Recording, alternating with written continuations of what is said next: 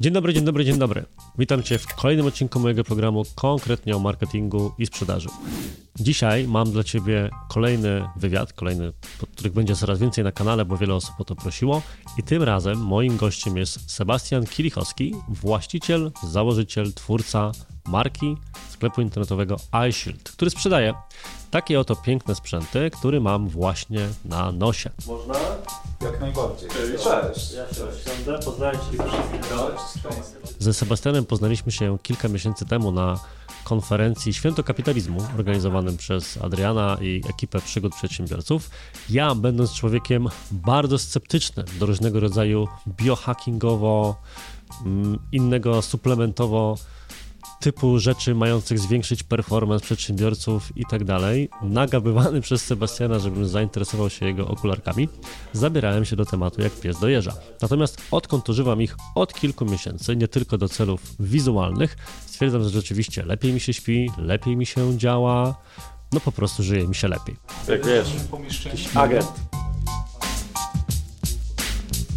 I stwierdziłem, że Sebastian, biorąc pod uwagę, jak trudnym wyzwaniem jest budowa sklepu internetowego, rozwój marki, nie tylko pod kątem czegoś, co trzeba trochę poczuć na nosie, żeby chcieć kupić, ale również czegoś, co jest nowatorskim, przełomowym, prozdrowotnym produktem, jak ciężkie jest reklamowanie i docieranie z komunikatem o czymś takim, będzie świetnym rozmówcą w moim programie.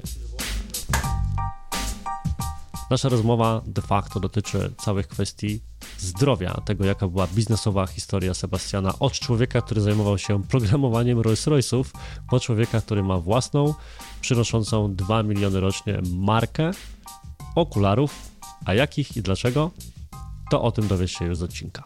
Zaczynajmy. Zaczynałeś w internecie działalność jako twórca jakiegoś fanpage'a. Czy mógłbyś przybliżyć, żebyśmy też wszyscy się dowiedzieli, kim jesteś, skąd się wziąłeś? Tak, generalnie prowadziłem fanpage na Facebooku pod nazwą Dieta to nie wszystko. Więc y, tematy okołozdrowotne były w moim życiu tak naprawdę od technikum, chociaż y, nic z dietetyką nie mam wspólnego, ponieważ szedłem y, ścieżką obraną przez moich rodziców tak naprawdę, bo skończyłem technikum elektroniczne, poszedłem na studia automatykę, robotykę. Skończyłem i zostałem inżynierem, programistą robotów. Programowałem Rolls-Royce'a, programowałem Mercedesa, więc moja praca wiązała się z delegacjami i pracą e, na fabrykach na całym świecie przy sztucznym oświetleniu. I pracując właśnie na etacie jako robotyk, moim drugim etatem było zdrowie. Prowadziłem fanpage Dieta to nie wszystko na Facebooku i dzieliłem się różnymi ciekawostkami związanymi czy to z dietą ketogeniczną, czy z nawet trochę szerszym ujęciem e, zdrowia, ponieważ nie lubię słowa dieta, bo mówienie, że jestem na diecie, to tak jakbyś zawężał sobie trochę e, swój, swój światopogląd i skupiał się tylko na tym, co jesz, tak? No bo dieta generalnie skupia się na tym, jakie makroskładniki przyjmujesz, ile kalorii jesz i w zasadzie tyle. A historia pod nazwą zdrowie opiera się na znacznie większym, większym obrazie i dieta to jest tak naprawdę tylko jeden puzzle tej układanki. Jedyna dieta, na jakiej chciałbym być, to dieta poselska. Badum, już mamy suchy żart prowadzącego. Odhaczone. Tymczasem, wiesz, e, pracujesz zajmując się programowaniem Rolls-Royce'ów, jeżeli dobrze zrozumiałem, a po godzinach postanawiasz prowadzić taki fanpage, więc Dlaczego? Bo rozumiem, że można być oczywiście wkręconym w jakąś tematykę, ale umówmy się, wymaga dużego poziomu zaangażowania i to pewnie ponadprzeciętnego, żeby stwierdzić, chcę jeszcze edukować w tym zakresie, szczególnie, że jest to, jak sam przyznałeś, po części podwójnie ryzykowne, ponieważ nie masz tych tak zwanych z anglosaska credentials, tak? nie masz wykształcenia w tym temacie, więc co sprawiło, być może jakieś zdarzenie w życiu albo coś innego, że stwierdziłeś, chcę ludziom głosić pewną prawdę na ten temat. Wiesz co, pewnie e, nie będę oryginalny, ale to było rozwiązanie mojego problemu, ponieważ kiedyś, kiedyś e, miałem problemy zdrowotne, byłem szczupły, a miałem duży brzuszek, byłem tak zwany skinny fat. Wszystkie moje starania, czyli siłownia, e, większa ilość kalorii, kończyło się na tym, że tylko rósł mi brzuch, a mięśni nie przybywało w ogóle. I zacząłem zastanawiać się, dlaczego tak się dzieje. Chodziłem po różnych lekarzach, dietetykach, specjalistach. Wszyscy mówili taka pana uroda. W końcu się wkurzyłem i stwierdziłem, że muszę wziąć sprawy w swoje ręce.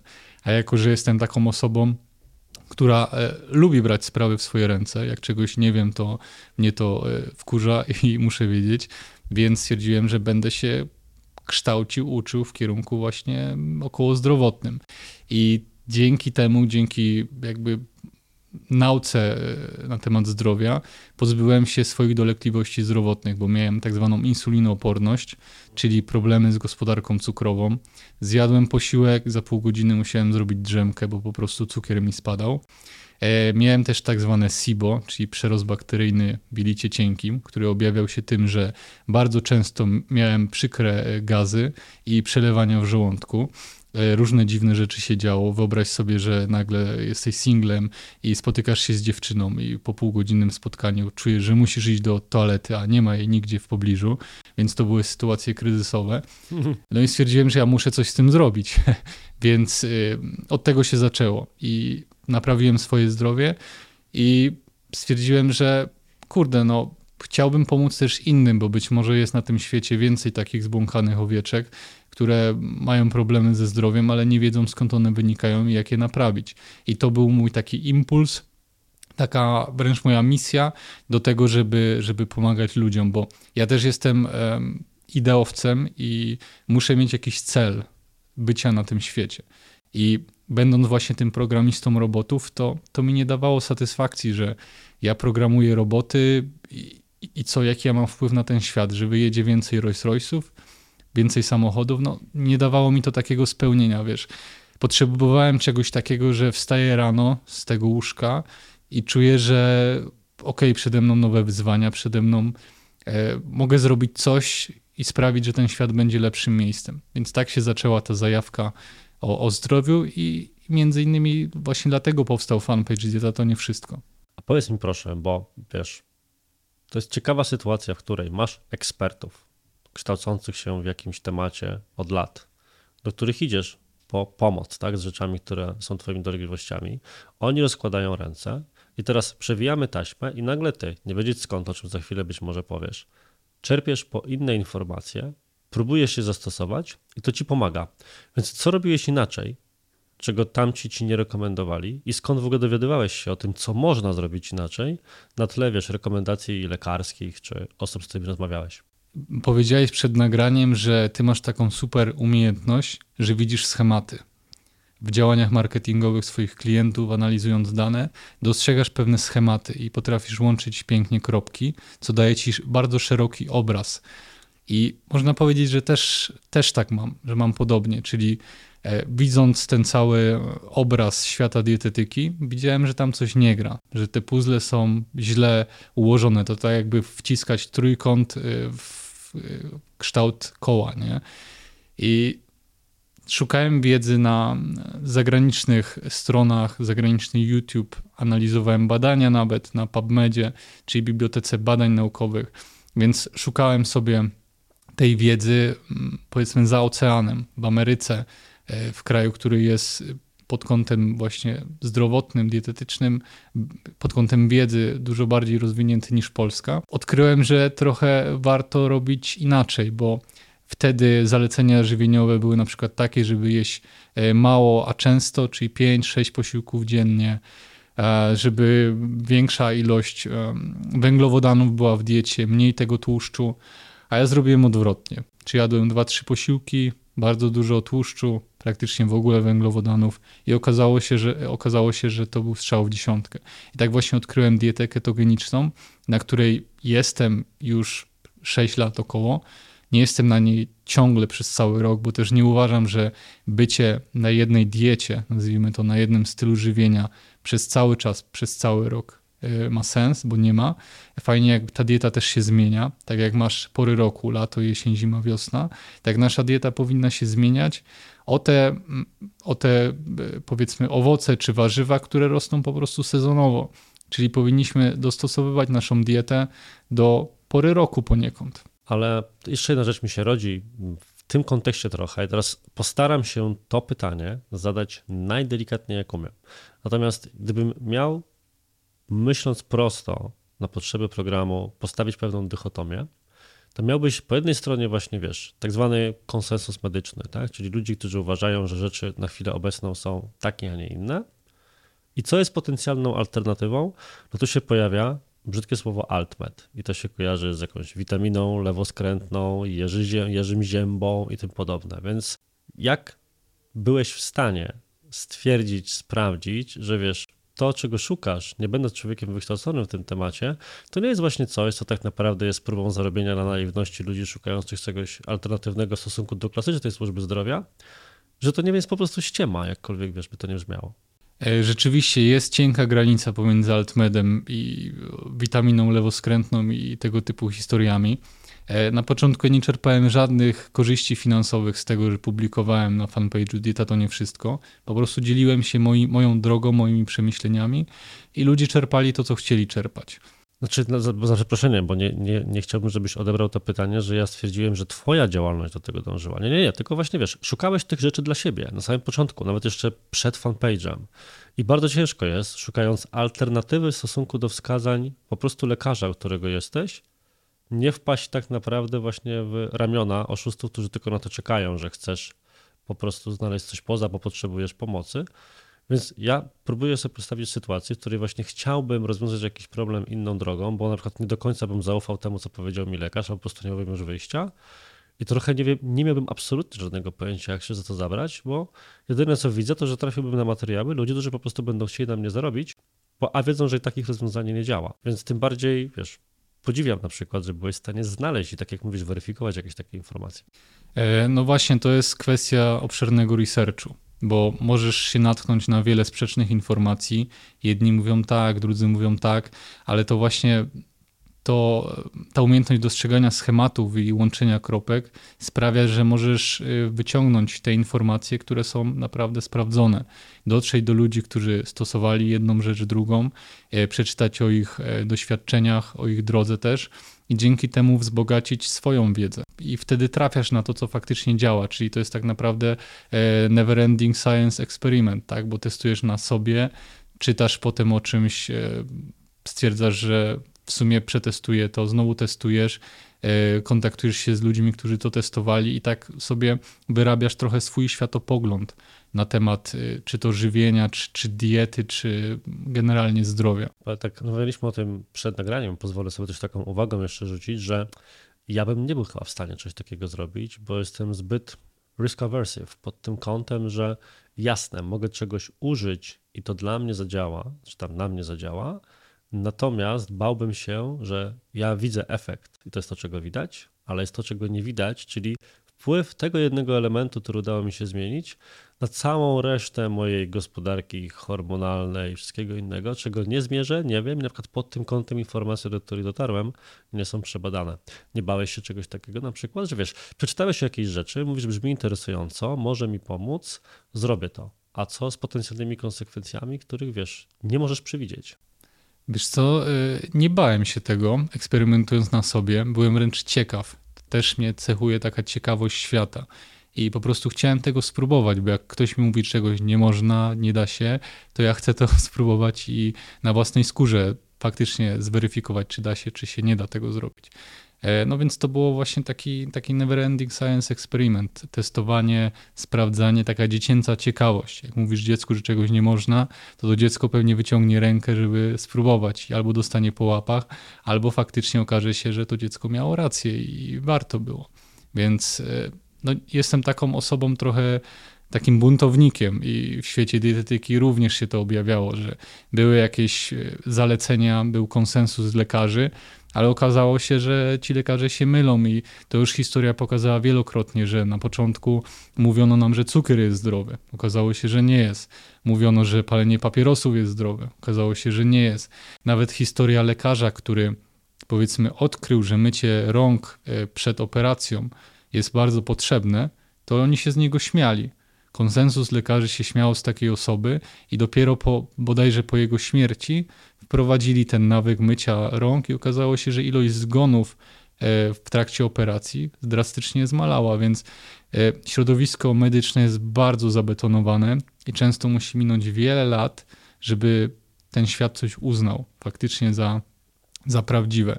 Więc mając tą wiedzę, mając ten filtr nałożony na, na to, jak wygląda środowisko medyczne, stwierdziłem, że jest dużo takich rzeczy które być może naprawdę działają, ale to jest jeszcze dosyć wczesne, wczesne stadium e, i środowisko medyczne to po prostu banuje.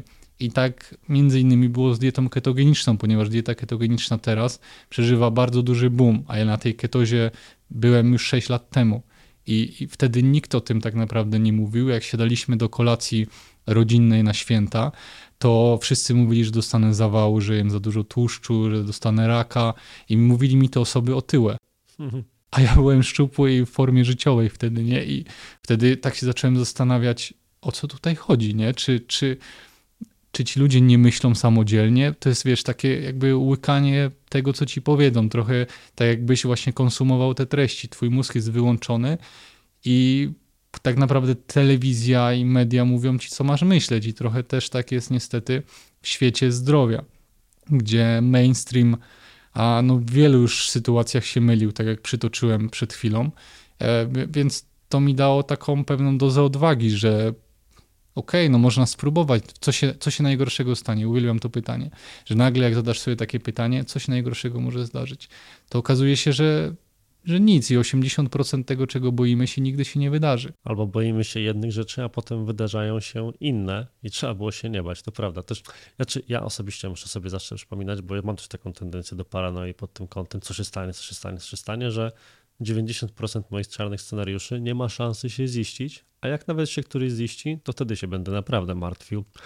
Tymczasem jednak, żebyśmy nie poświęcili tylko całej rozmowy tej, tej samemu początkowi twojej historii, ja mam w tym programie taki schemat, bo mogłeś tego jeszcze nie słyszeć, że opowiadam ludziom memy. Coś nie ma nic lepszego niż w medium wizualnym opowiadać komuś mem. Jest taki mem, z którym mogłeś, który mogłeś widzieć, gdzie masz gościa układającego takie bardzo duże domino i na początku jest Chińczyk zjadanie toperza, inflacja w Polsce 20%. No więc teraz przykładając ciebie do tej formatki, mamy na początku człowieka, który składa Rolls Royce, tam programuje, przepraszam, Rolls Royce i pisze sobie fanpage do pana prezesa takiej oto firmy produkującej takie oto okularki, które z przyjemnością noszę.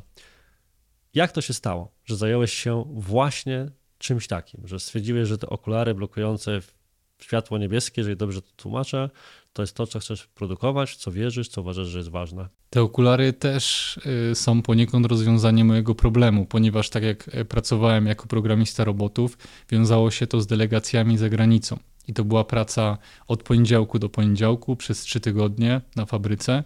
Potem wracałeś do Polski i miałeś wolne przez 10 dni. Więc e, jak miałem delegację w Szwecji, to był przełom października i listopada Generalnie w Szwecji o tej porze roku jest bardzo mało światła, więc wyjeżdżałem do pracy, było ciemno, wracałem z pracy, było ciemno. I jedyne światło, przy jakim żyłem, to było to sztuczne z lamp w fabryce. I okazało się, że coś dziwnego dzieje się z moim zdrowiem, bo to już był e, czas, kiedy byłem na keto, e, kiedy suplementowałem się, żeby nie mieć niedoborów, miałem fajną aktywność fizyczną.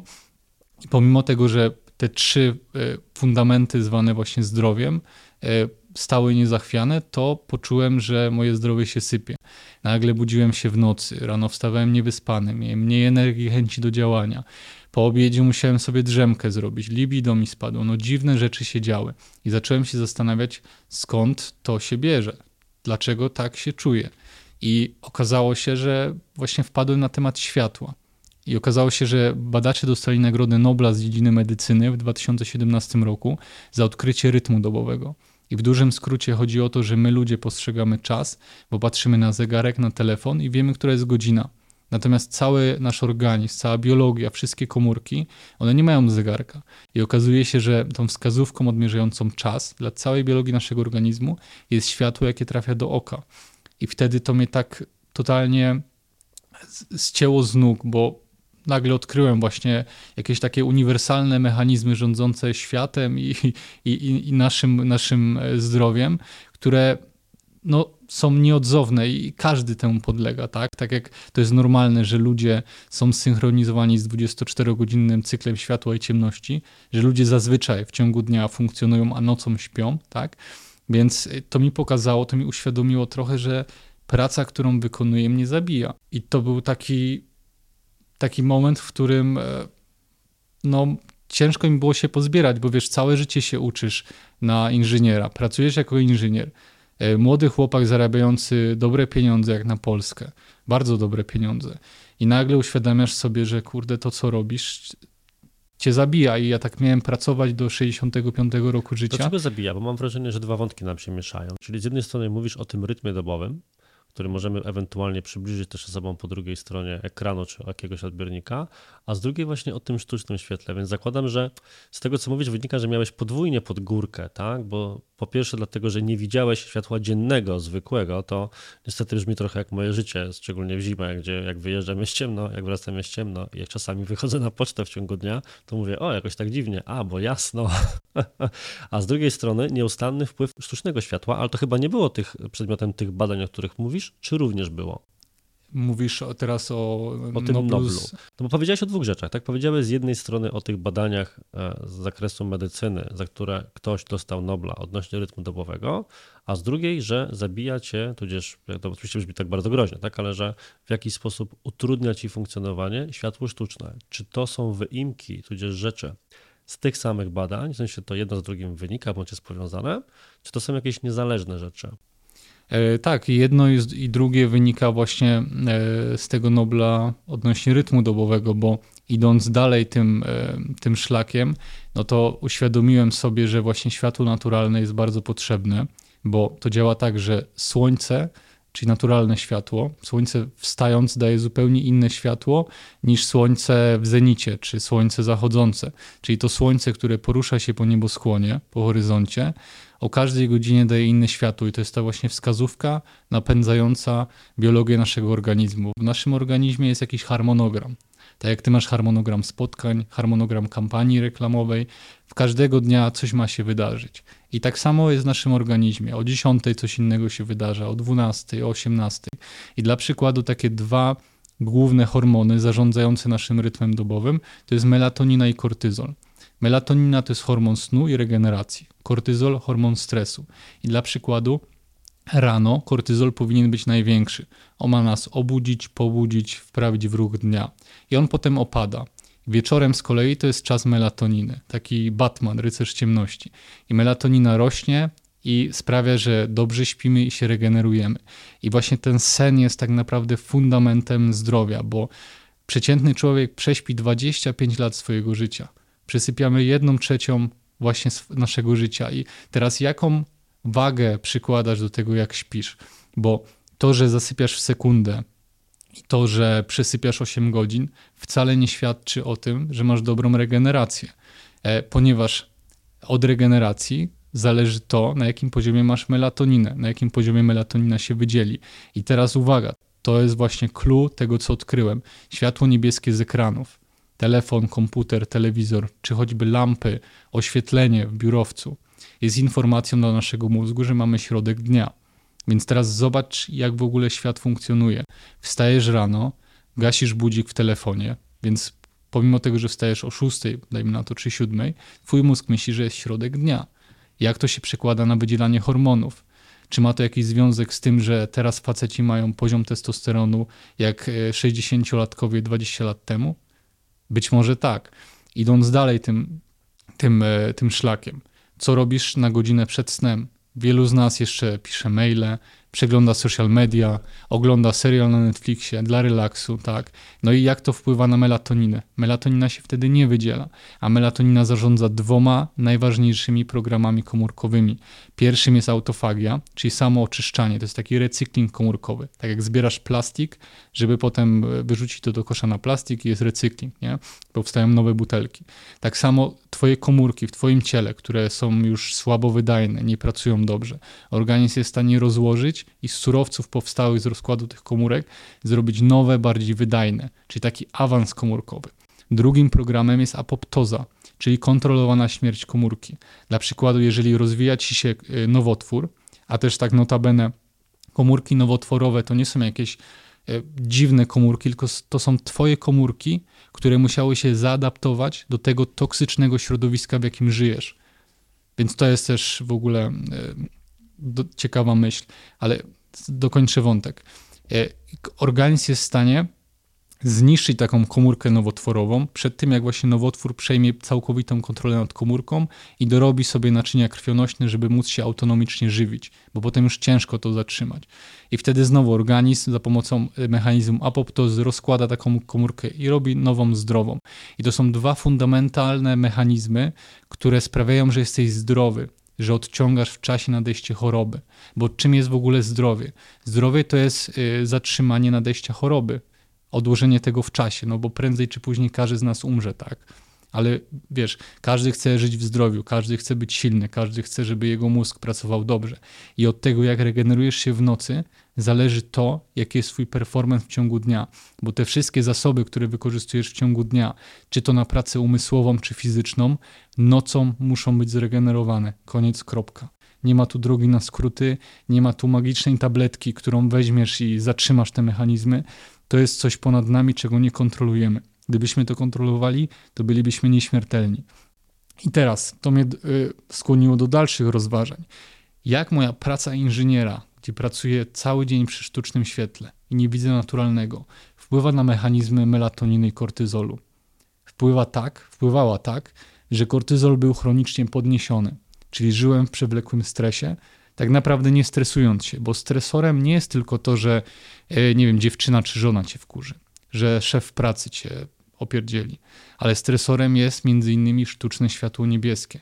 To, na które się patrzysz pracując przed kompem, przeglądając y, social media, czy relaksując się wieczorem na net, przed Netflixem. A dlaczego ono jest stresorem tak naprawdę? Jak to działa? Podnosi hormon stresu kortyzol, czyli w sztuczny sposób kortyzol się podnosi i on nie bierze się z powietrza. Jest coś takiego jak takie zjawisko, dobrze też udokumentowane naukowo, które nazywa się kradzieżą pregnenolonu. Pregnenolon to jest taki hormon, z którego e, tworzą się pozostałe inne ważne hormony, m.in. testosteron dla mężczyzn czy progesteron dla kobiet.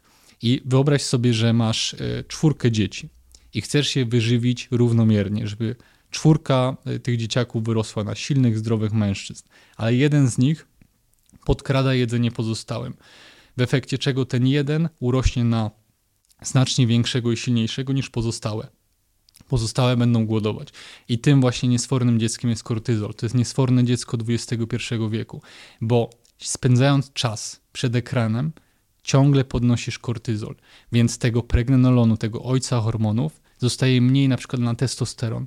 I potem się okazuje, że jest y, człowiek w wieku 30 lat, on się czuje wypalony zawodowo, bo testosteron ma w podłodze, a kortyzol jest chronicznie podniesiony. Dochodzi do tak zwanego zmęczenia nadnerczy, czyli ty masz po prostu dość, jesteś przemielony. Najchętniej byś wyjechał na miesiąc na Bali, wyłączył telefon i leżał na plaży. I niestety, ale wiele osób tak ma, szczególnie w świecie biznesu. Jesteśmy przestymulowani i na własne życzenie dokładamy sobie tego stresu, nie mając o tym pojęcia. Dlatego właśnie cieszę się, że rozmawiamy, bo ta informacja, ten e, paradygmat poniekąd może iść w świat.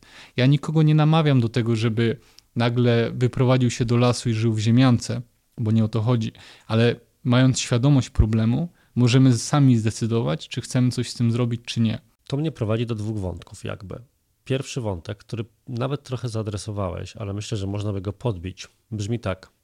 Dlaczego, skoro te odkrycia są aż tak doniosłe, to tak mało się o nich mówi? Bo jednak dopóki się nie poznaliśmy nie dalej jak kilka miesięcy temu tak naprawdę na konferencji i rozmawialiśmy właśnie o Dayshield i o twoich Highshieldach, to nie słyszałem o tym wcześniej. Znaczy, gdzieś tam się mówiło, tak, blokowanie światła niebieskiego, ale nikt tego nie łączył w taki sposób jak ty, bo dalej pozostajemy w strukturze tego mema, którego powiedziałem, czyli teraz z kolei tutaj mamy filtr blokujący światło niebieskie, a na końcu mamy wyższy testosteron, lepsze życie, mniej komórek rakowych, czy jakiekolwiek jeszcze implikacje z tego chcesz wyprowadzić.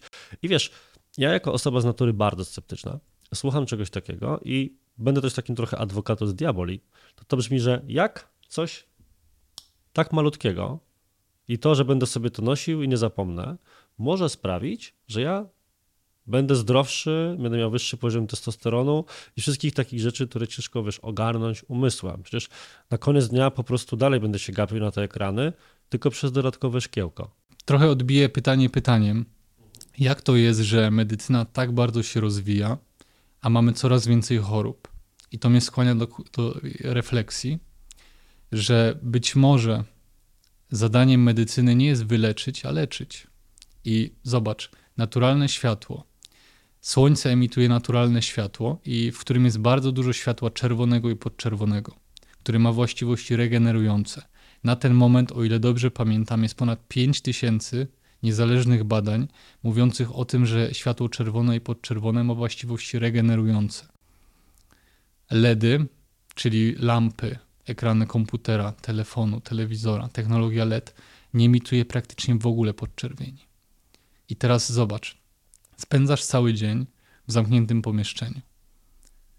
Jak jesteś na zewnątrz, to, to jesteś w ubraniu, przemykasz od samochodu do, do centrum handlowego albo do biura. Gdzie ty masz, jak ty masz pozyskać tą podczerwień? Nie da się. Więc problem jest taki, że nie da się słońca zamknąć w tabletkę i sprzedać. I dlatego o tym się nie mówi, moim zdaniem. Hmm, czyli po prostu problem wynikałby z tego, że to tak jak trochę powiedziałeś, tak, tego się nie da opakować, znaczy z tego uproduktowić, więc po co o tym po prostu głośno mówić, skoro można mówić o innych rzeczach. Natomiast, bo czuję, że tak powiem, próg własnej niekompetencji w poruszaniu i próbie debaty z tobą na tematy, które zahaczają o terminologię medyczną i te rzeczy. Jesteś zdecydowanie lepiej zagłębiony w ten temat, więc chciałem jednak to sprowadzić do rzeczy, którą w miarę wydaje mi się, że ogarniam umysły, czy umysłem, czyli w jaki sposób takie okularki jakkolwiek pomagają. No bo ja dalej będę przy tym swoim takim sceptycznym podejściu, że mam ten problem. Walią teraz na nas tutaj podczas nagrania lampy. Jak siedzę w biurze, to mimo, że mamy sobie w biurze e, oczywiście okna, no to tak czy owak siedzimy przy włączonym świetle, bo lepiej to wygląda. Tak, chilluję sobie przed Netflixem, bo coś tam wieczorkiem trzeba zrobić i zachodzę w głowę, że jest to faktycznie możliwe, choć mam pewne potwierdzenia z codziennego korzystania właśnie z Twoich day shieldów, że po prostu teraz wiesz, widzę Cię tak, widzę Cię tak i jak mam tak, to będę zdrowszy i lepszy. W sensie jak to jest, że tak skomplikowany problem da się zadresować tak prostym rozwiązaniem? Chodzi o to, że światło, które trafia do naszego oka, jest y, tak naprawdę reguluje rytm dobowy. Jeżeli mówimy o rytmie dobowym, to w mózgu, dokładnie w jądrze nadskrzyżowaniowym, mamy coś takiego jak centralny zegar rytmu dobowego. To jest taki szef. I w różnych narządach naszego ciała, w różnych komórkach mamy zegary peryferyjne czyli powiedzmy menadżerów. Nie? Więc to, co mówi szef, powinno być skoordynowane z działaniem menadżerów. I od tego, jakie światło trafi do naszego oka, bo oko jest połączone z mózgiem, zależy to, jak będziesz się czuł, ile będziesz miał energii, czy będziesz zdrowy, czy będziesz tej energii miał mniej. Więc będąc na fabryce, zacząłem się zastanawiać, jak można zrobić, żeby wpuszczać do oka to dobre światło, a blokować to szkodliwe. I tak zrodził się pomysł okularów blokujących światło niebieskie, ponieważ właśnie masz je na sobie, czyli mniej tego światła niebieskiego, które jest analogią takiego napędzania, przyspieszania, ciśnięcia, pada do twojego oka. Można e, dać taką analogię, że światło czerwone i podczerwone regeneruje i uspokaja, światło niebieskie napędza. Dlatego właśnie e, światło naturalne, słońce, daje porówno światła podczerwonego i światła niebieskiego. Jest na podobnym poziomie. I te dwa spektra się równoważą. Nie? To jest taka harmonia, yin-yang, kobieta-mężczyzna. Natomiast elektronika, ekrany, komputer, telefon, telewizor i tak dalej, one emitują bardzo dużo światła niebieskiego. Mniej więcej czterokrotnie więcej, ten stosunek e, światła niebieskiego do czerwonego jest z elektroniki czterokrotnie większy niż stosunek właśnie światła niebieskiego ze słońca. I tu jest problem, że tego światła niebieskiego jest za dużo. To nie jest tak, że światło niebieskie jest złe samo w sobie, bo nie jest. Jest nam potrzebne też. Ono też reguluje rytm dobowy. Problem polega na tym, że mamy go za dużo. Więc takie okulary, właśnie, które masz na sobie, e, sprawiają, że mniej tego światła niebieskiego trafia do Twojego oka, dzięki czemu regulujesz swój rytm dobowy. Poziom hormonu stresu kortyzolu się obniża i co się właśnie przekłada na e, to, jak Twój organizm działa, ile masz energii, że praca przed komputerem nie jest taka przytłaczająca, bo ten kortyzol nie będzie cały czas wywindowany do góry. Więc tak w dużym skrócie to jest mechanizm działania. Jeszcze chcę wspomnieć o jednej rzeczy, bo wiesz, rzucenie pracy na etacie, e, robotyka, bardzo świetna branża, tak, rozwojowa, dochodowa, nie było łatwe. Tym bardziej żyjąc w duchu takim, że rodzice cały czas wpajali mi, że ucz się, ucz, znajdź dobrą pracę, pracuj, idź na studia i tak dalej, nie? I nagle uświadamiasz sobie, że twoja praca no, nie zabija cię, ale właśnie trochę ogranicza twój performance, wpływa negatywnie na zdrowie. I myśl o tym, żeby rzucić tą pracę i zająć się szerzeniem wiedzy na temat zdrowia, był dla mnie bardzo, to było dla mnie bardzo trudne. Miałem konflikt wewnętrzny. Ale była taka sytuacja, że programując roboty, opiszę to najprościej jak się da. Wchodzisz do takiej celi, w której jest powiedzmy 10 robotów i masz taki tablet, którym sterujesz robotem, nie? I poprosiłem kolegę o pomoc w pracy na nocce, żeby pomógł mi y, zrobić coś z robotem, bo nie wiedziałem jak. I dałem mu panel, będąc święcie przekonanym, że to jest panel od robota, który stoi przy, przed nami. On wziął ten panel, zaczął nim sterować, robot nie jeździł. Okazało się, że ja mu dałem panel od robota, który stał za nim. I ten robot się ruszał. Ja mogłem zabić swojego kolegę z pracy. Bo ten robot był ogromny. On miał taką siłę, że mógł go jak muchę e, trzasnąć. I po tym incydencie stwierdziłem, że no nie, ja muszę, muszę po prostu rzucić tą pracę na etacie i, i chcę robić coś, co zmieni ten świat na lepsze. Chcę właśnie uświadamiać ludzi, jak działa światło. Dlaczego ten rytm dobowy jest ważny. Że od tego, jak się dobrze wyśpisz, zależy potem to, ile masz energii, chęci do działania. Najwięcej wypadków w pracy u nas na fabryce było na nockach. Przypadek? No, no nie sądzę. Mhm. Wiesz, to uprzedziłeś po części moje pytania, ale i tak jest sens je zadać, bo myślę, że uzupełnisz to, co powiedziałeś przed chwilą, czyli e, poczułeś, nazwijmy to misję, bo niektórzy nie lubią takich dużych słów, ja uważam, że można ich używać w, pewnym kontekście, natomiast jeszcze jest daleka droga od przekonania, że hmm, moje życie jest gorszej jakości, ponieważ spędzam cały dzień w sztucznym oświetleniu i to wpływa na to, jak funkcjonuję, do podjęcia decyzji, to po pierwsze odkrycia, ok, mogę zostać producentem, wytwórcą mm, tego typu sprzętu, okularów, jakkolwiek to można byłoby nazwać. I jeszcze do drogi, że otworzę sklep internetowy, którym pozwolę innym ludziom to kupić. Więc jak to u ciebie wyglądało? Ta droga od odkryłem, że mogę coś takiego zmontować, do tego chcę to sprzedawać i zostać przedsiębiorcą na pełen etat. Yy, to było totalne YOLO ponieważ ja nie miałem żadnego doświadczenia w biznesie, żadnego doświadczenia w e-commerce. To skąd zero. pomysł, żeby to był akurat sklep internetowy i tak to robimy? Yy, pomysł był taki, że stworzyłem pierwsze, pierwsze okulary. Zacząłem ich używać i widziałem, jak mój sen się poprawił, jak yy, właśnie lepiej śpię, jak się czuję następnego dnia, jak moje oczy przestały być suche i zmęczone. I, i nagle właśnie zobaczyłem, że jest taka różnica. I zadzwoniłem do mojego brata, który jest moim wspólnikiem, i powiedziałem: Musimy y, wypuścić takie okulary i to sprzedawać, że to jest, to będzie potrzebne ludziom. I co ciekawe, on nie powiedział, y, że porąbało cię. A to też jest taka ciekawostka, że ja nie miałem dobrego kontaktu z bratem, ale czułem, że jakoś podświadomie, że to jest osoba, z którą chcę to robić. I brat powiedział: Dobra, wchodzę w to. A on już pracował na etacie i miał całkiem dobrą pracę, więc też poniekąd rzucił tą pracę i ze swoim bratem, z którym nie miał dobrych kontaktów, nagle założyli firmę sprzedającą okulary blokujące światło niebieskie. I na początku nie było żadnej strony internetowej. Ja komunikowałem to na fanpage'u Dieta to nie wszystko, że pracujemy nad takimi okularami.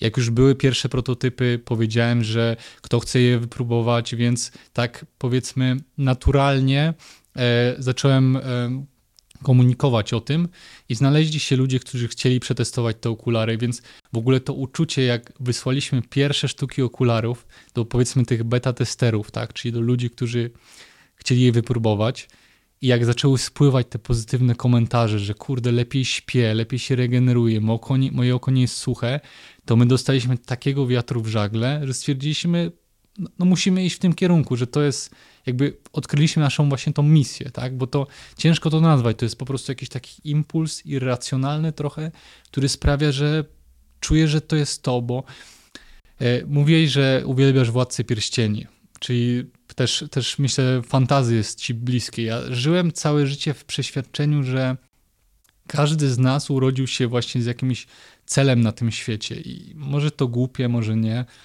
może banalne, ale stwierdziłem, że to jest właśnie ten mój cel, że po to ja przyszedłem na świat, żeby właśnie mówić o tym świetle.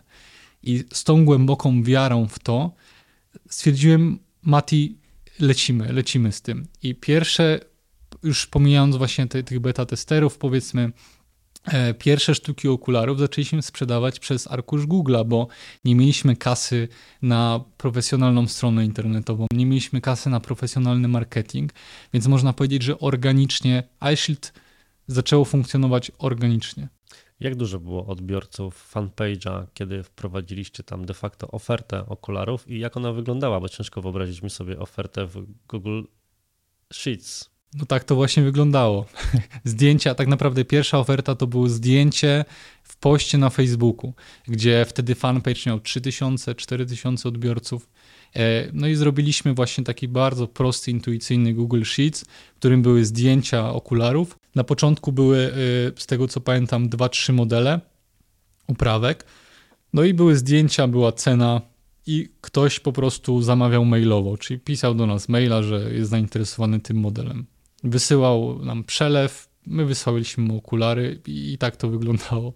Zakładam, że na początku nie mieliście rzeczy typu regulamin, polityka zwrotów i tak dalej. No nie, bo nie było właśnie strony internetowej, więc jak powiedzmy zwalidowaliśmy ten pomysł, widzieliśmy, że to jest potrzebne, dostaliśmy pozytywny feedback od klientów, to zaczynaliśmy to trochę profesjonalizować, czyli właśnie założyliśmy stronę internetową, regulamin i, no i wszystkie te powiedzmy mm, papierki potrzebne do tego, żeby legalnie prowadzić biznes i sprzedawać tego typu okulary. Powiem Ci, że jak po raz pierwszy trafiłem na Waszą stronę, po tym jak rozmawialiśmy, to stwierdziłem, że macie tak naprawdę dwa problemy, w sensie te problemy, wyzwania, jak to niektórzy mówią, na poziomie marketingowo-sprzedażowym.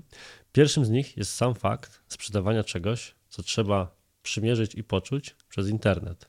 I o ile jeszcze zakup ubrania. Po prostu przymierzysz i zwracasz. Czy w przypadku takiej osoby jak ja, dla której to są zerówki, więc nie są one problematyczne, to nie jest problem. O tyle jak ktoś faktycznie bierze te okulary, a ma jeszcze wadę wzroku, no to skala wyzwania jest troszkę większa. Żeby zamówić coś takiego, zapłacić, to też nie są tanie rzeczy, mówiąc delikatnie. A drugi problem, taki, który mi się w tym bezpośrednio wiąże, to jest właśnie przekonanie ludzi do tego, że to jest ważne. No bo możesz kupić sobie zwykłe okulary w miliardzie oprawek, a tutaj jeszcze jest ten komunikat wartości, że cały wątek edukacyjny wokół światła niebieskiego. I to, do czego dążę, to że wiesz, na samym początku mieliście klientów po części wynikających z Twoich fanów, tak, osobom, które ufały Twojej wiedzy w temacie zdrowia, Niezależnie chyba na to od okularów, tak w sensie, ok, to co mówiłeś pomogło mi w tym i w tym, więc kiedy mówisz, że takie okulary mogą mi też pomóc, to ja też to kupuję, czyli bazowałeś troszkę na swojej budowanej reputacji, po czym otwierasz sklep internetowy, trafiasz na szeroki rynek konsumentów i jak takich ludzi przekonać, że po pierwsze kup takie okulary, po drugie ten problem jest naprawdę ważny. Wiesz, to była bardzo ciężka droga, bo czułem się jakbym stał z takim małym młoteczkiem i miał przed sobą mur y, berliński, który chciałbym rozbić, czyli właśnie e, no te przekonanie ludzi, bo nagle ludzie zaczęli mówić, ale przecież są filtry w telefonie, w komputerze, po co mi takie okulary? Czy to działa naprawdę? I wiesz, i szereg jeszcze innych obiekcji, nie? Więc y, powiedzmy, że na początku działalności iShield y, moce były 80% naszej mocy, powiedzmy, były, było skierowane w kierunku edukacji. Więc mozolna edukacja, posty, jakieś właśnie nagrania, wszelkie formy przekazywania wiedzy. Pojawianie się na podcastach, na live'ach instagramowych, na live'ach na Facebooku, jeżdżenie na konferencje, więc organicznie staraliśmy się przekazywać tą wiedzę. Przez pierwszy rok działalności iShield nie mieliśmy w ogóle konta reklamowego, nie puszczaliśmy żadnych reklam, więc wszystko to się działo organicznie. I też y, mając ten fanpage na, na Facebooku Dieta to nie wszystko, byłem powiedzmy rozpoznawalny w, y, w środowisku dietetycznym. Więc miałem y, dostęp do osób, które też poniekąd wierzyło w to, że rytm dobowy jest ważny, że temat światła jest ważny, więc wysyłaliśmy im okulary, oni testowali te okulary, stwierdzali, że super i mówili o tym swoim, swojej społeczności, więc, e, więc trochę na początku to było tak, że bazowałem właśnie na swoim nazwisku, ręczyłem twarzą za tą firmę i w sumie dalej ręczę, a z drugiej strony e, bardzo poszliśmy w taki influence marketing, można powiedzieć. Czyli przekazywaliśmy tą dobrą nowinę e, w społecznościach e, influencerów, dietetyków e, i ludzi związanych z, z branżą zdrowotną. A kto jest waszym docelowym klientem? Kto najczęściej kupuje takie okulary? E, przedsiębiorcy, zdecydowanie, czyli generalnie ludzie, którzy spędzają dużo czasu przed komputerem, telefonem i chcą od życia trochę więcej, chcą poprawić jakość swojego życia, chcą mieć więcej energii, chęci do działania, chcą się rozwijać. Są to ludzie między 25 a 40 rokiem życia. E, I bardzo właśnie pożyliśmy w grupę przedsiębiorców, bo to są ludzie, którzy no jednak chcą od tego życia więcej, chcą, e, chcą się lepiej czuć, chcą się lepiej wysypiać, chcą mieć tą energię, więc to jest nasza grupa to odbiorców. od początku była wasza zaplanowana grupa docelowa, czy było na przykład tak, że myśleliście, że grupą będzie ktoś inny, a to się pojawiło przypadkiem? Ja myślałem, że każdy potrzebuje tych okularów.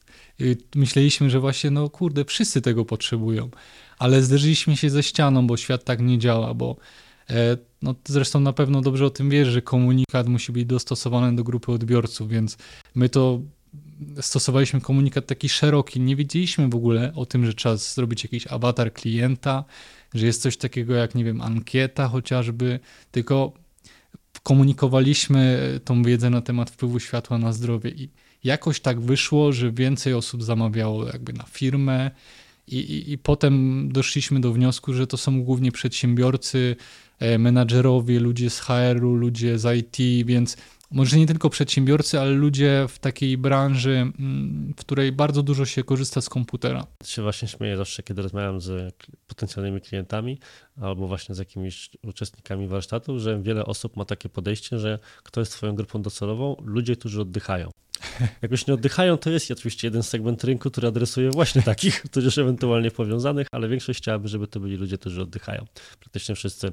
Natomiast przychodzi taki moment, że właśnie rozpoczynacie swoje działania marketingowe, takie odrobinę szersze, zauważasz to, co powiedziałeś. Zaczynają do ciebie przychodzić przedsiębiorcy, tak, kupować czy to na firmę, czy inaczej. Jak od tej pory wzięliście się, bo chciałbym, żebyśmy zgodnie z nazwą programu konkretnie o marketingu i sprzedaży, trochę o takich waszych taktykach też porozmawiali. Więc zauważywszy, że waszą grupą docelową są przedsiębiorcy, jak zabraliście się za próby pozyskiwania takich klientów? Jakie taktyki marketingowe, plany? Jak do tego podszedłeś? Czy ty jako osoba odpowiedzialna, czy z bratem, czy z kimkolwiek jeszcze z zespołu? Też chcę naświetlić mm, jedną rzecz, że my cały czas finansujemy się z własnej kieszeni nie braliśmy żadnych dotacji, nie mamy inwestora, więc na początku byliśmy tylko we dwójkę. Razem robiliśmy okulary, razem pakowaliśmy te okulary, razem pisaliśmy posty, odpisywaliśmy na maile i to trwało ponad rok. Więc e, jak przekonywaliśmy? Pisałem na Instagramie do przedsiębiorców. Pisałem do pojedynczych ludzi? Do Hej. pojedynczych ludzi, tak. Pisałem, Widzę, że masz biznes i to jest dla ciebie? Pisałem, że cześć, Widzę, że właśnie spędzasz dużo czasu przed komputerem. Słuchaj, mam takie okulary, ja gorąco wierzę w to, że one sprawią, że będziesz miał więcej energii, twoje oczy nie będą suche i zmęczone. I dużo osób było zaciekawionych, opowiedz mi o tym więcej. Wysyłaliśmy okulary na testy, żeby ci ludzie sobie przetestowali i często wracali z feedbackiem, że słuchaj, te okulary są mega, chcę o tym powiedzieć swoim odbiorcom. A dlaczego akurat na Instagramie? Bo wydawałoby się, że wiesz, chcąc dotrzeć do ludzi biznesu, logiczniejszym miejscem, które wybrałaby pewnie większość przedsiębiorców Twojej sytuacji byłby LinkedIn, gdzie zresztą takie wiadomości są na porządku dziennym. Więc skąd akurat pisanie do przedsiębiorców? Na Instagramie. To wynikało może trochę z niewiedzy, może z tego, że nie miałem żadnej nie, nie mieliśmy żadnej strategii marketingowej. Robiłem tak, jak czułem, czyli czułem się trochę tak, jakbym, wiesz, e, był w piwnicy, gdzie jest ciemno, miał opaskę na oczach i próbowałem się potykać w odpowiednim kierunku. Dlatego Instagram i w sumie dobrze to wyszło, bo e, skontaktowałem się do Roberta Gryna, który wtedy był bardzo taki popularny e, na Instagramie, na YouTubie. Wysłaliśmy mu okulary. On stwierdził, że okulary są super.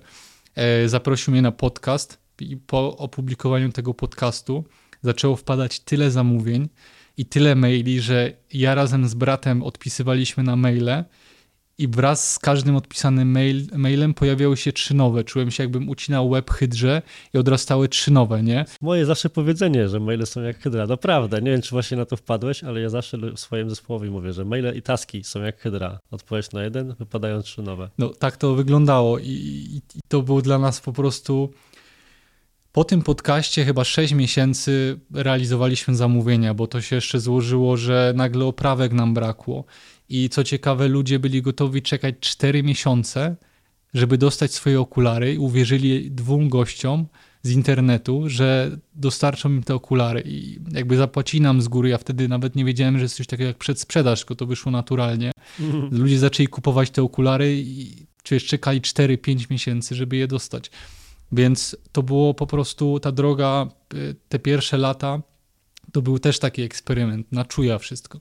Dopiero potem zainwestowaliśmy w osobę do obsługi klienta, w jakiś branding, w jakieś, wiesz, takie, żeby to ładnie wyglądało, w opakowania, ale na początku to było po prostu jolo.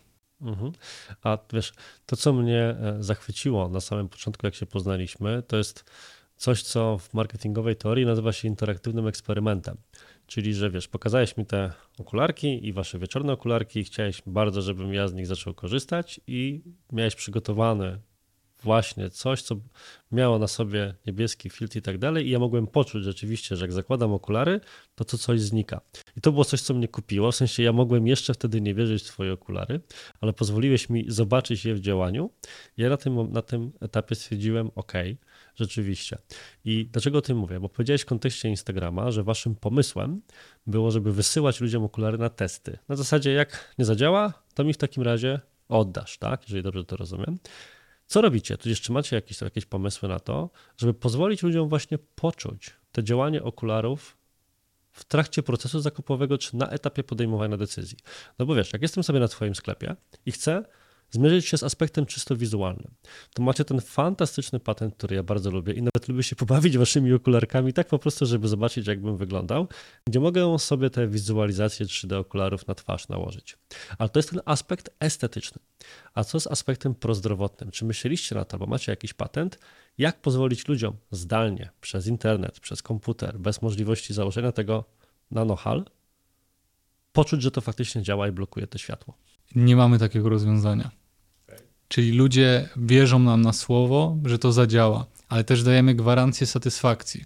Czyli jeżeli ktoś zamówi okulary, bo myśli, że a może zadziała, może nie zadziała, to ta gwarancja satysfakcji przekonuje ich, bo wtedy od dostarczenia produktu, dostarczenia okularów mają 30 dni na testy, a fajne jest to, że efekt jest już odczuwalny po jednym dniu, dwóch dniach korzystania. Więc zazwyczaj jest tak, że ludzie zamawiają, czasem sceptyczni są, czasem są przekonani, ale właśnie y, ta gwarancja satysfakcji pozwala im się zdecydować na, na zakup. Powiem Ci, że zastanawiam się tak teraz głośno, jakby jeżeli moglibyśmy tak porozmawiać de facto sobie na antenie, że a, czy da się zreplikować to, co zrobiłeś mi na żywo i wiem, że jest waszym patentem konferencyjnym, na przykład na nagranie z perspektywy oka kamery, czyli że wiesz, jest sobie jakiś obraz, widać go tak, po czym nakładasz na to jakby eye shield i w tym momencie wygląda to inaczej.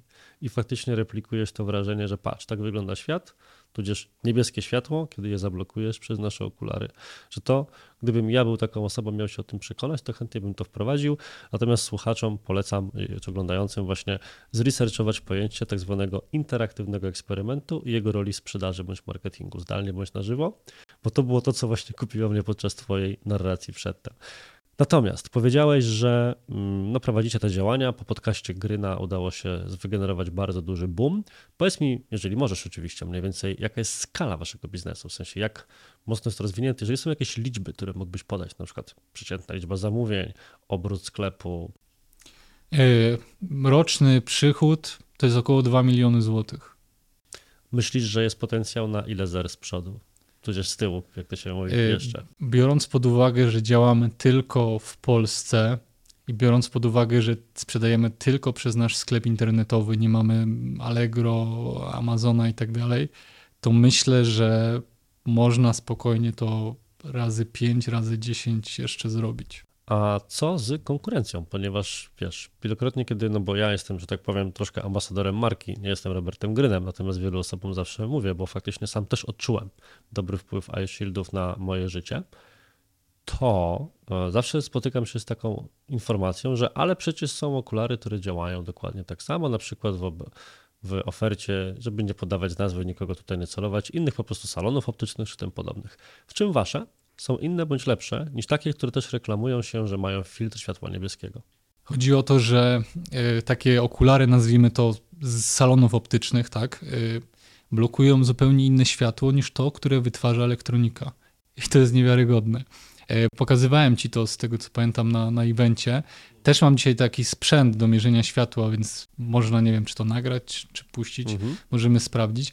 Ale chodzi o to, że e, Nobel, Nagroda Nobla z dziedziny medycyny o rytmie dobowym jest dosyć świeża, 2017 rok, więc polski rynek nie zdążył się jeszcze zaadaptować, wręcz rynek światowy nie zdążył się zaadaptować.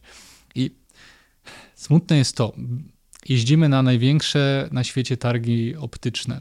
Byliśmy teraz w Mediolanie w lutym i takich rozwiązań jak nasze tam w ogóle nie było. I ja się zacząłem pytać wręcz tych różnych firm, dlaczego takich okularów, takich soczewek w ogóle nie, nie sprzedajecie. Odpowiedź była taka, że ludzie nie chcą z tego korzystać. Były na przykład soczewki takie, nie? Jak ktoś nie chce okularów nosić, tylko soczewki. I, I pytałem się, dlaczego te wasze soczewki na przykład nie zrobicie tak, żeby blokowały światło niebieskie? A oni mówią, bo ludzie tego nie potrzebują. Więc rynek optyczny skupia się na tym, żeby to było ładne, czyli dużo jest takich, wiesz, różnych oprawek, fancy e, rozwiązań, ale nikt nie, nie zwraca uwagi na ten efekt medyczny, efekt zdrowotny.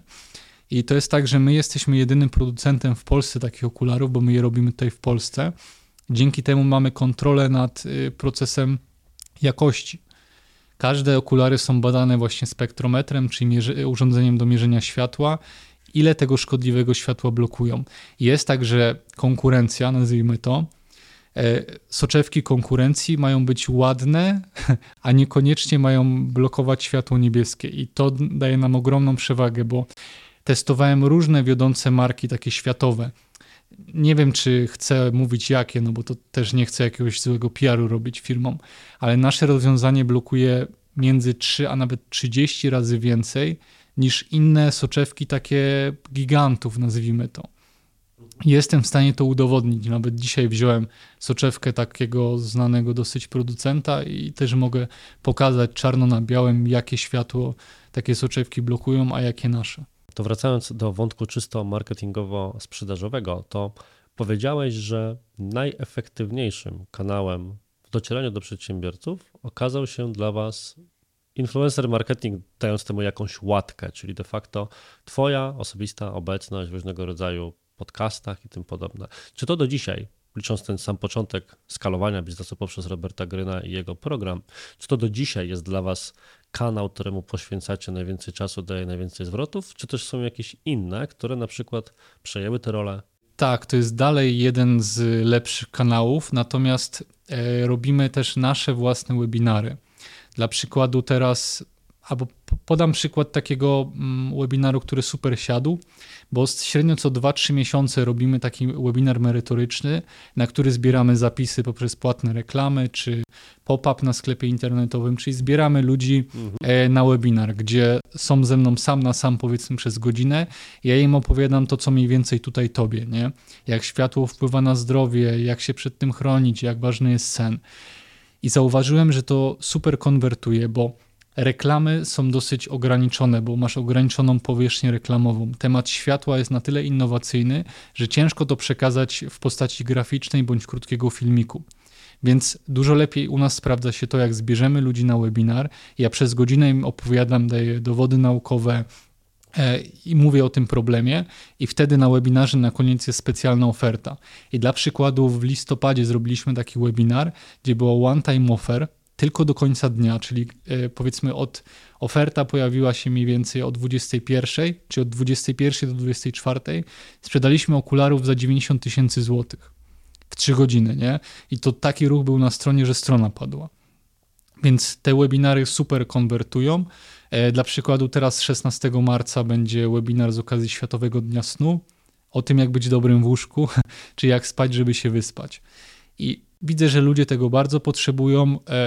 Mówią, że właśnie ta wiedza jest przekazywana w fajny sposób i więc będziemy e, szli mocniej właśnie w te, w te webinary i przekazywanie wiedzy. To jest bardzo ciekawe, co mówisz, na kilku poziomach z mojej perspektywy, bo po pierwsze temat, tak? czyli jest to webinar stworzony i prowadzony przez sklep internetowy, ale on nie brzmi, jego tytuł, dlaczego nasze okulary są super, tylko jest to szerszy, natomiast powiązany z problemem, który rozwiązuje wasz produkt, temat.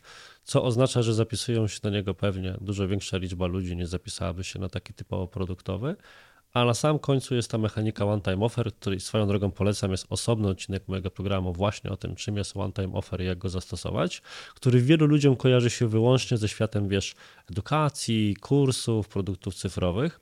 Ty pokazujesz, że potrafi generować pod 100 tysięcy przychodu, webinar per webinar zakładam właśnie z czegoś takiego, co biorąc pod uwagę liczby, które podawałeś wcześniej, jest dość znacznym udziałem w tym ogólnorocznym torcie, a jest to jednak jeden webinar.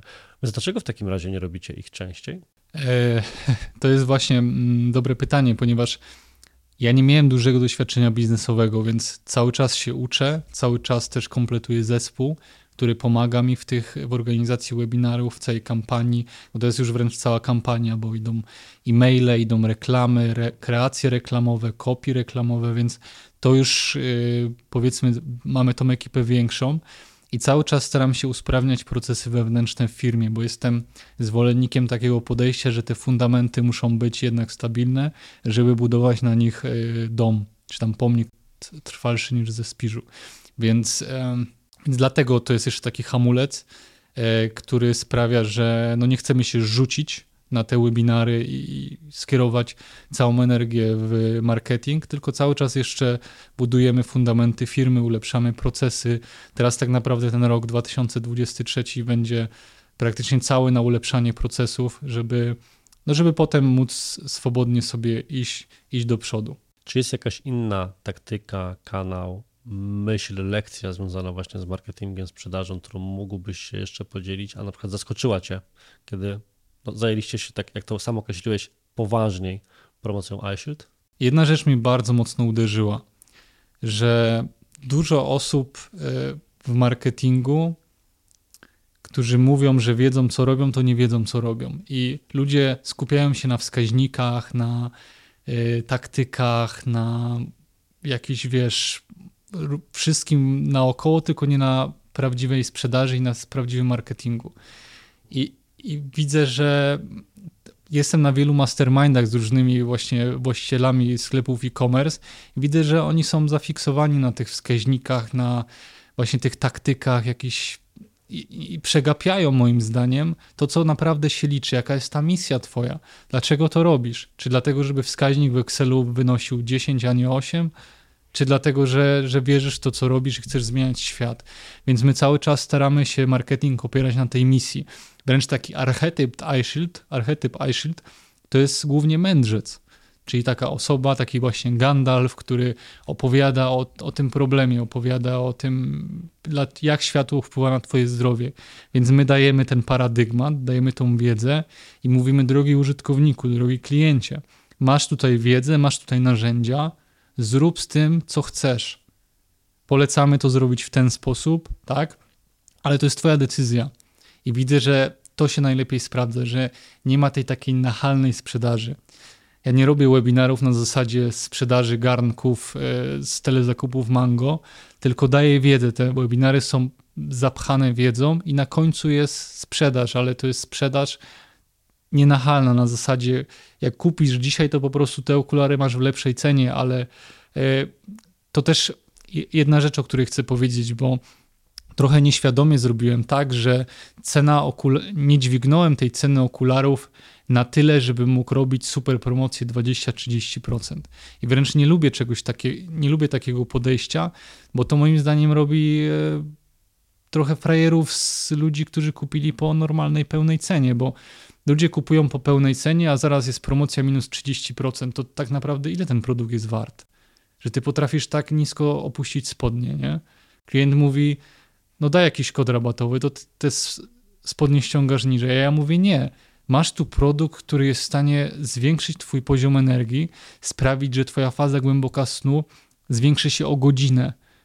Pomnóż to razy ilość nocy w miesiącu, jak twój mózg będzie działał. Przecież to jest, to jest tak niewielka cena, te 600 zł, ile kosztują okulary, za benefity, jakie otrzymasz ludzie za buty w skali dwóch miesięcy, czy tam za spodnie, ciuchy są w stanie wydać więcej. A tu masz okulary, które nie dość, że fajnie wyglądają, to jeszcze sprawią, że będziesz bardziej produktywny i tą twoją produktywnością przy, przy, będziesz w stanie zarobić więcej pieniędzy. Więc yy, takie jest moje podejście do, do, do marketingu. Czy tutaj podbiłbym tę myśl, którą powiedziałeś, bo sam też prowadzę webinary, czy ostatnimi czasy coraz mniej, ale obiecuję poprawę.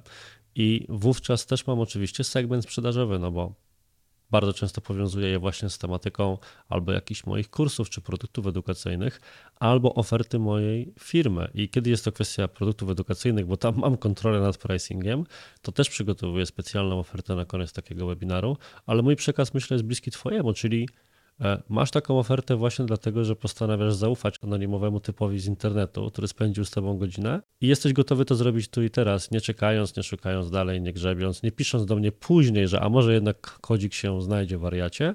Więc oto specjalnie coś dla ciebie. I też masz oczywiście prawo, żeby zawsze to zwrócić. Spróbujmy, jak to będzie. Nie lubię takich, wiesz, siedzenia, takiego właśnie mango, tylko dzisiaj, tylko teraz.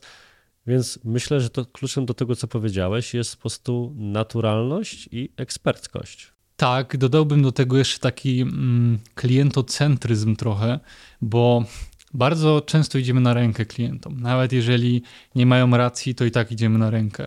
I to też nas mocno wyróżnia, bo dla przykładu, ktoś e, ostatnio były mm, walentynki, ale e, kojarzę taką sytuację właśnie rok temu na walentynki, że pewien mężczyzna chciał zamówić okulary na prezent swojej wybrance.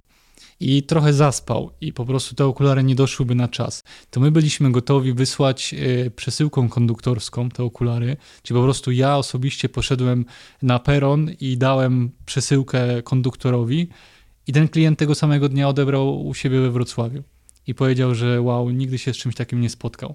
Więc my często naginamy te procesy dzięki temu, że nie jesteśmy sztywnym korpo, tak żeby iść na rękę klientom. I widzę, że to im się bardzo podoba, bo też mi głównie zależy na zaufaniu i żeby informacje o iShieldzie rozrastały się tak e, pocztą pantoflową, e, bo jest taki przepis, że okularów korekcyjny, okulary korekcyjne nie podlegają zwrotom, bo to jest produkt indywidualne na indywidualne zamówienie klienta, tak? Bo okulary korekcyjne wykonujemy na podstawie aktualnej recepty od optyka, czyli generalnie jak klient zwróci, no to my to musimy do kosza wyrzucić, bo nikomu tego nie sprzedamy, każdy ma inną wadę wzroku.